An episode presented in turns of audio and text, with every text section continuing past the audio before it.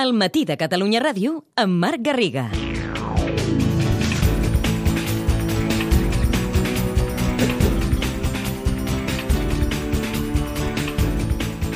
El Consell de Drets Humans de l'ONU investigarà si Israel ha comès crims de guerra. Us ho hem estat explicant aquest matí. De fet, la majoria d'estats europeus es va abstenir i els Estats Units hi van votar en contra. Eh, però poc després de l'anunci del secretari d'Exteriors John Kerry deixava eh, a Israel sense haver aconseguit pactar un alto al foc entre el govern hebreu i Hamas. I mentrestant, el balanç de víctimes per l'ofensiva israeliana ja s'enfila fins als 715 palestins morts, segons fonts palestines, a banda de 34 soldats també del Sahal, de l'exèrcit israelià que també haurien mort. Tenim allà a Ashkelon, concretament a la frontera amb Gaza, els nostres enviats especials Marialba Gilabert i José Antonio Rodríguez. Marialba, bon dia. Hola, molt bon dia. Explica'ns exactament on sou i qui, què esteu fent en aquests moments. Mira, en aquests moments tinc el meu company eh, fent l'interrogatori amb la gent de l'exèrcit que està comprovant els nostres noms a la llista per poder entrar a Gaza. Estem al pas d'Aerès, Eh, no sabem encara si avui l'obriran, però estem fent tots els tràmits possibles. Avui és un dia relativament tranquil comparat amb els anteriors. Hi ha bombardejos de tant tant sentim explosions, però s'estan limitant aquí a la franja est, a la, a la banda est de la franja, mentre que a la capital, a Gaza City, la situació, segons ens diuen des d'allà dintre, eh, fons palestines, és relativament tranquil·la. Us posen molts, uh, molts problemes per entrar o, o us donen facilitats sí. als periodistes?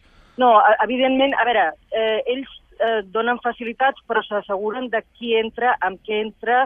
Eh, vam passar ja diversos interrogatoris, vam passar tots els tràmits eh, tant del govern com de l'exèrcit. Estem en una llista que ells ja fa dos dies que estan consultant i ara doncs eh, falta que es pugui obrir per motius de seguretat el pas fronterer que nosaltres puguem arribar fins a Gaza City. Continua mentrestant eh, l'operació terrestre o, com deies, tot més tranquil i, i més calmat? A veure, en general està més tranquil. Per exemple, les explosions no són tan constants com eren ahir, per exemple. Eh, de tant en tant se sent alguna explosió de foc de morter, però no és eh, la virulència de fa dos o tres dies. Eh, la cosa sembla que avui ha baixat una mica més. De fet, deien que intentarien obrir el pas inclús per evacuar ferits, els ferits més greus, que possiblement viatjarien unes 20 persones cap a Jordània. Uh, ho comentàvem ara fa una estona que el Consell de Drets Humans eh, de l'ONU ha anunciat que investigarà Israel per possibles crims de guerra. Com s'ha rebut aquí aquesta resolució? Doncs mira, eh, ahir més o menys eh, ja teníem les primeres reaccions, vam parlar amb l'exèrcit, ens deien que ells no atacaven civils i que ells també estaven investigant tot, però que, en fi, que en tot cas serien danys col·laterals. El govern ho va rebutjar de ple i només perquè tingueu una idea de com es repen aquí, hem fet un cop d'ull als diaris aquest matí, i el més, el més suau que es diu d'aquesta resolució, d'aquesta decisió d'investigar possibles crims de guerra és que és una decisió hipòcrita i absurda. Eh, acusen a les Nacions Unides de fer costat al grup terrorista Hamas i també es carrega contra la Unió Europea dient que es fan passar per amics d'Israel quan en realitat eh, ahir es van abstenir en la votació i no van fer costat eh, a l'estat d'Israel que té el seu dret legítim a defensa. Dius que, mm, vaja, que Israel diu que no ataca objectius civils. Com expliquen, per tant, la xifra de víctimes? Doncs mira, eh, ells diuen que això és culpa de Hamas, que reté a la població de Gaza com a escuts. El que passa és que, evidentment, aquí és escut, vulguis o no vulguis, perquè no hi ha lloc on fugir. Són molts pocs quilòmetres quadrats per tantíssima gent, més de dos milions de persones, i, i per tant, eh, encara que vulguis córrer i amagar-te, ni tan sols si canta el mar et pots escapar. Aquesta per una banda.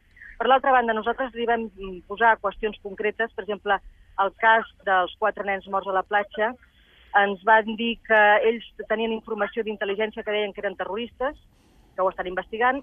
Vam preguntar també sobre el bombardeig de diversos hospitals, fins ara n'han bombardejat quatre.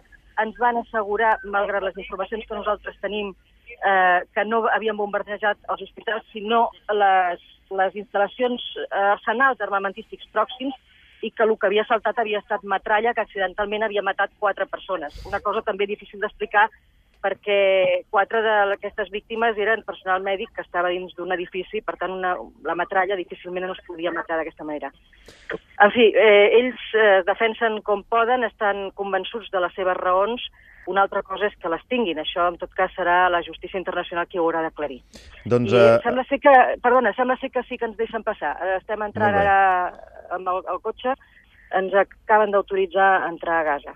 Doncs, eh, Maria Alba, esperem les teves cròniques al llarg de tot el dia a Catalunya Ràdio i esperem connectar demà també amb vosaltres perquè ens expliqueu tot el que heu vist eh, durant el dia d'avui i sobretot eh, doncs, aneu molt, molt en compte. Moltes gràcies.